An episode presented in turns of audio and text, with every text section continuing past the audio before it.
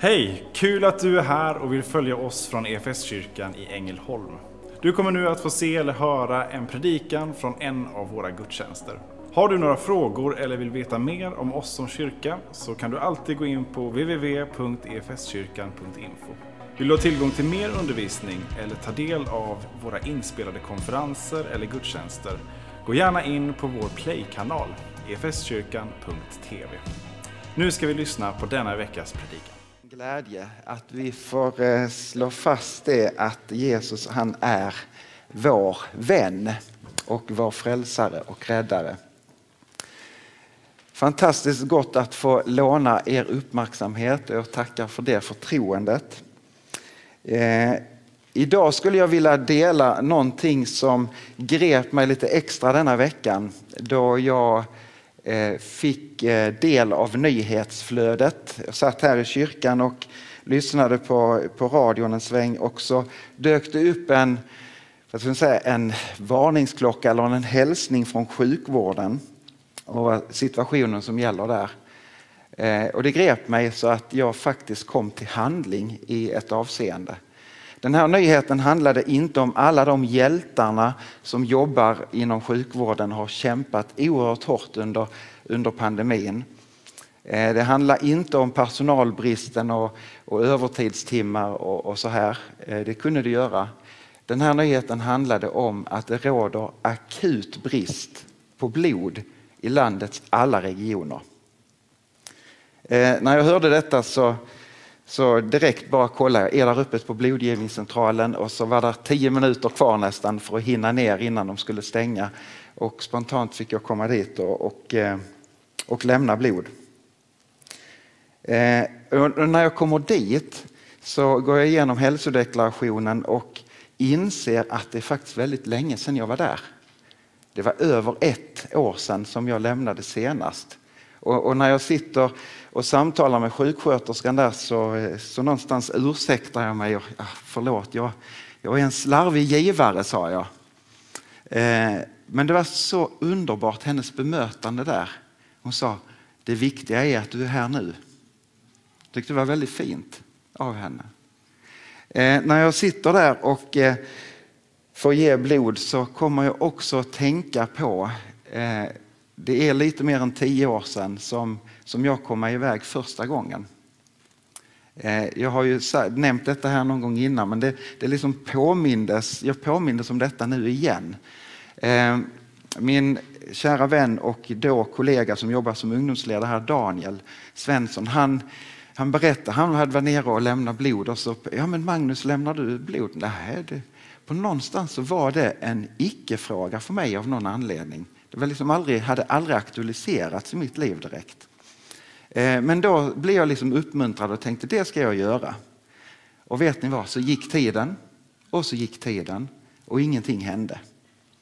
Och så i alla fall en tid efter, kanske något år senare, så, så gav jag mig själv det som nyårslöfte att detta året ska jag minsann börja ge blod. Men vet ni vad som hände? Året gick och jag hade inte kommit mig iväg. Då gjorde jag så att året efter på nyårsafton så förnyade jag det nyårslöftet. Att detta året ska jag minsann göra det. Och så gjorde jag en grej, att jag nämnde det här i en gudstjänst offentligt. Detta har jag lovat. Och jag är så tacksam för en i församlingen, Per-Erik, du sitter där nere. Han tog minsann och då saken i egna händer och ringde ner till blodgivningscentralen och sa nu är här en kille som är beredd, eller kille, man sa du kanske, som är beredd att börja ge blod, så ta kontakt med honom. Och sen sa jag, det är verkligen värt en applåd. Och sen några veckor därefter så stötte han på på kyrkfika, tror jag det, har de, har de ringt dig än? Eh, och det hjälpte mig att komma mig iväg. Och jag tänker, jag tittar på dig Per-Erik, du verkligen praktiserar Hebreerbrevet 10.24 i det som du gjorde. Där det står, låt oss ge akt på varandra och sporra varandra till kärlek och goda gärningar. Det gjorde du verkligen. Sen har de här tio åren varit lite upp och ner och så var det i mitt givande. Och jag insåg nu igen att jag har varit slarvig en period. Men varningsklockorna i nyheterna om att det saknas blod och det saknas blodgivare fick mig att komma mig iväg igen. Och så när jag sitter där också och, och tänker att åh, det här är ju faktiskt ett väldigt gott tillfälle att be för den människa som kanske får del av mitt blod och som kanske blir räddad på något sätt. Eh, jag gjorde inte det då av någon anledning, men det blev ändå som en påminnelse i efterhand. Ja, men, åh, tänk om jag skulle göra det. Jag vet ju inte vem det är, men Herren vet. Och faktiskt få omsluta den personen i förbön när man ändå sitter där och pumpar på, som man säger. Jag vill inte säga detta för att på något sätt förhäva mig själv att vad duktig jag är eller präktig. För jag vet att jag är en slarvig givare i det här avseendet också. Ehm, och jag vet att det är väldigt många andra som gör det här. Och jag vet också att det är väldigt många som skulle vilja ge blod men inte har möjlighet. På grund av sjukdom eller annat som, som gör att oh, jag skulle vilja men jag kan inte. Men jag vet också att det är väldigt många likt mig som kanske oreflekterat tänker, kan jag göra det? Du kan faktiskt vara med och rädda liv genom det här. Ändå så ropar vården i vår tid, det saknas blod. Det saknas blodgivare och det saknas unga blodgivare, inte minst. Det råder akut brist på blod. Att ge blod kan faktiskt rädda liv. För oss så kan det krävas att det är många som ger blod för att rädda ett liv. Men i det mest angelägna avseendet så är det faktiskt så här att det är endast en som ger sitt blod. Inte för att rädda många utan faktiskt för att rädda alla. Och jag tror att ni anar att det handlar om Herren själv.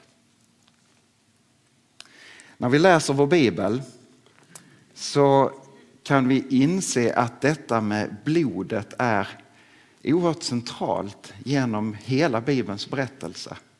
Gamla testamentet, Nya testamentet. Det, det börjar ju alldeles direkt egentligen i syndafallsberättelsen i Första Mosebok 3. Där, eh, där människan, de första människorna har gjort på något sätt blivit lurade av den onda att göra ett uppror mot Gud. Och så sker det första offret i vår historia. När Gud själv låter slakta ett djur för att ta skinnet från det här djuret och klä människorna. Och det är förmodligen, skulle jag tro, den första blodsutgjutelsen som sker i skapelsen. Första gången man ser blod på det här sättet. Och det blir på något sätt en start på, på den här alltså offret som, som utgjuts eller blodet som utgjuts för att skydda eller för att rädda eller för att i förlängningen faktiskt ge liv. Läser vi lite längre fram i, första, eller i Moseböckerna så kommer vi fram i andra Mosebok och, och läser om Israels historia, hur de för ha flytt på grund av hungersnöd har de kommit sig att liksom bosätta sig i Egypten. Men under alla sina år där så kommer de att också bli förslavade i Egypten. Men så vill Gud rädda sitt folk ut ur slaveriet, ur, ut ur fångenskapen, ut i frihet. Ut till att fira gudstjänst inför Guds ansikte. Sinai berg. Men farao, ledaren i Egypten, han är bångstyrig och vill inte släppa folket. Och då blir ju Mose kallad att, att gå in för farao och, och faktiskt be om att folket ska bli befriat. Många av er känner den här historien. När, när Gud är det ju genom Mose som utmanar farao att släppa folket så får Egyptens folk utstå eller utsättas för tio stycken mycket, mycket svåra plågor. Och den sista av dem, de tio plågorna så, så säger Mose så här.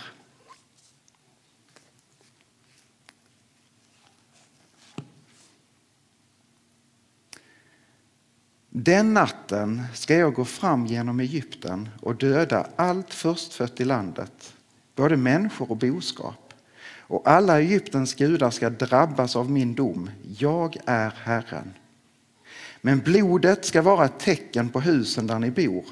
När jag ser blodet ska jag gå förbi och det förödande, förödande slaget ska inte träffa er när jag slår Egypten. Så dyker det här upp, blodets beskydd i det här avseendet. Landet som kommer att drabbas av, av döden på ett ja, makabert sätt. Allt förstfött, människor och boskap, kommer att dö. Men Gud vill förskona sitt folk som han vill befria. Läser vi lite längre fram från vers 21 så, så säger Mose, eller så kan vi läsa om Mose på det här sättet. Mose kallade samman alla de äldste i Israel och sa Gå och hämta varsitt lamm åt era familjer och slakta det som påskoffer. Ta sedan en knippa isop och doppa den i skålen med blodet och stryk lite av blodet på tvärbjälken och på de båda dörrposterna. Och ingen av er får gå ut genom dörren i sitt hus innan det blir morgon. Herren ska gå fram genom landet och hemsöka egyptierna men när han ser blodet på tvärbjälken och på de båda dörrposterna ska han gå förbi dörren och inte låta förgöraren gå in i era hus för att döda er. Så får de det här uppdraget att slakta ett felfritt lamm, ett påskalamm. Ta blodet, bestryka dörrposterna och så blir blodet som ett beskydd för deras liv när döden står för dörren. Ända från den här händelsen så har man firat detta med den stora påskmåltiden. Och man gjorde det ute i hemmen men, men från någonstans på 600-talet så börjar man att offra det här påskalammet i templet i Jerusalem. Därför så blir ju påskhögtiden också en av de stora vallfärdshögtiderna där, där folket gärna ville söka sig till Jerusalem och, och vara med under den här riten när, när lammet slaktades. Och blodet från det här lammet det stänktes på altaret. Och blodet stod som en symbol för, för förlåtelse, för rening från synd. Hur, hur Gud liksom öppnar upp igen och räddar från död till liv.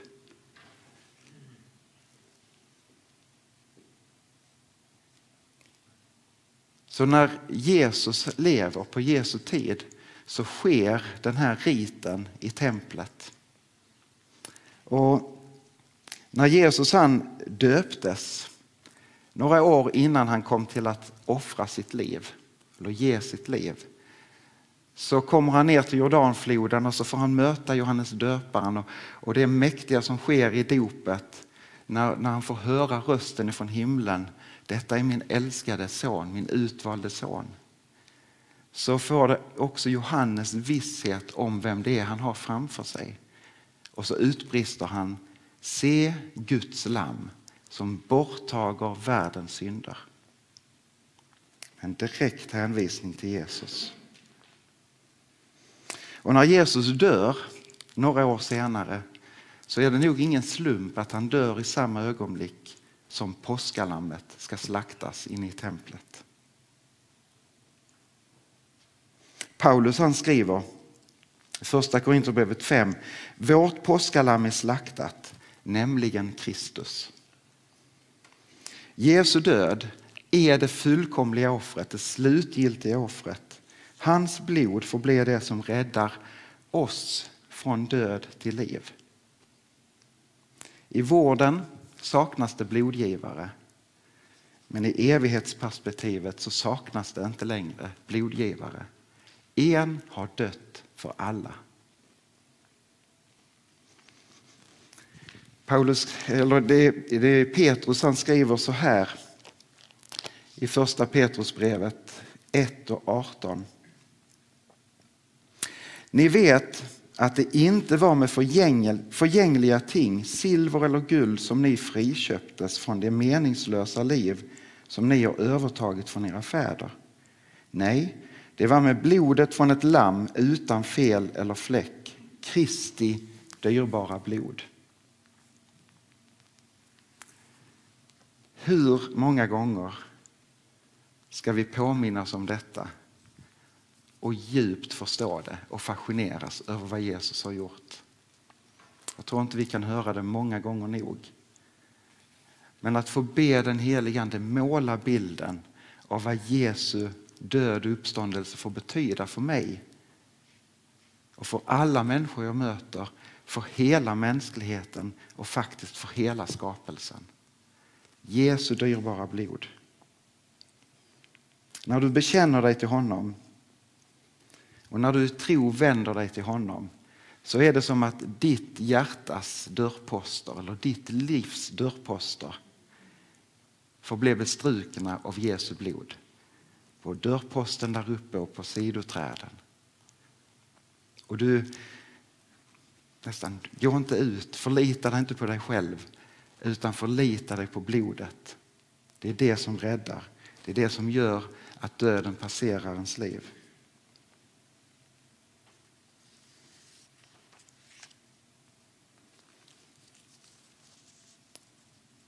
Vi ska dö jordelivets död på något sätt.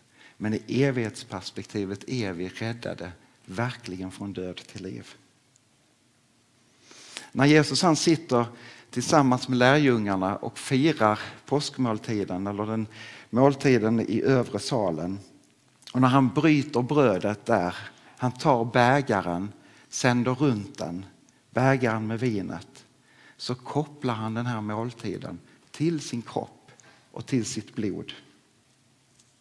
Han säger att i den här handlingen så möter ni mig konkret, faktiskt.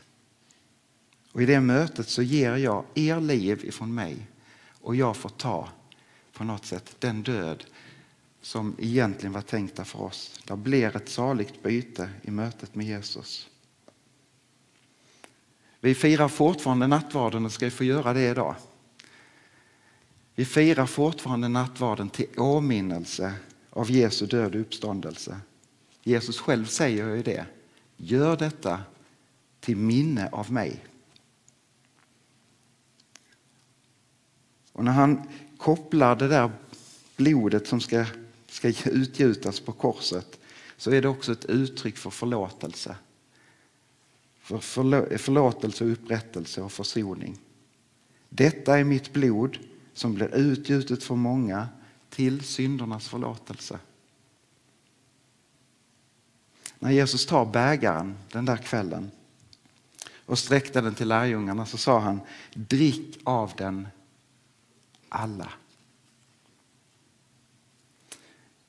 Och den inbjudan och de orden är kanske faktiskt inte riktade bara till alla de som satt med den kvällen utan det är en inbjudan till alla. Det är en inbjudan till mänskligheten, också till dig och mig. Detta är angeläget för varje människa. Jag tycker om att tänka så här, det var någon som uttryckte det, jag tror det var min kära vän Jonas Hallarbro i ett tillfälle. När du möter en människa som du aldrig har träffat innan, som du inte känner alls, så vet du det viktigaste i den människans liv. Det är en människa som är älskad av Herren, en människa vars Jesu blod har blivit utgjutet. Ett erbjudande som står till honom eller henne. Det här är inte bara fina ord eller en teori som vi liksom kan ha, hålla för sant på något sätt. Utan det här är på riktigt. Jesus själv knyter sig så starkt till den här måltiden så han säger när ni tar emot detta så tar ni emot mig. Jag är på er insida. Den som i tro lever med Jesus har tagit emot något som är angeläget och viktigt för hela världen. Jesus han säger den som äter mitt kött och dricker mitt blod, han är alltid i mig och jag alltid i honom. Så det är verkligen sant detta, Herren blir ett med dig. Och det är ingen mindre än han själv som bestryker ditt livs dörrposter med sitt blod. Och med den tron och med den vissheten så får vi be också vår syndabekännelse denna söndag. Ska vi be tillsammans?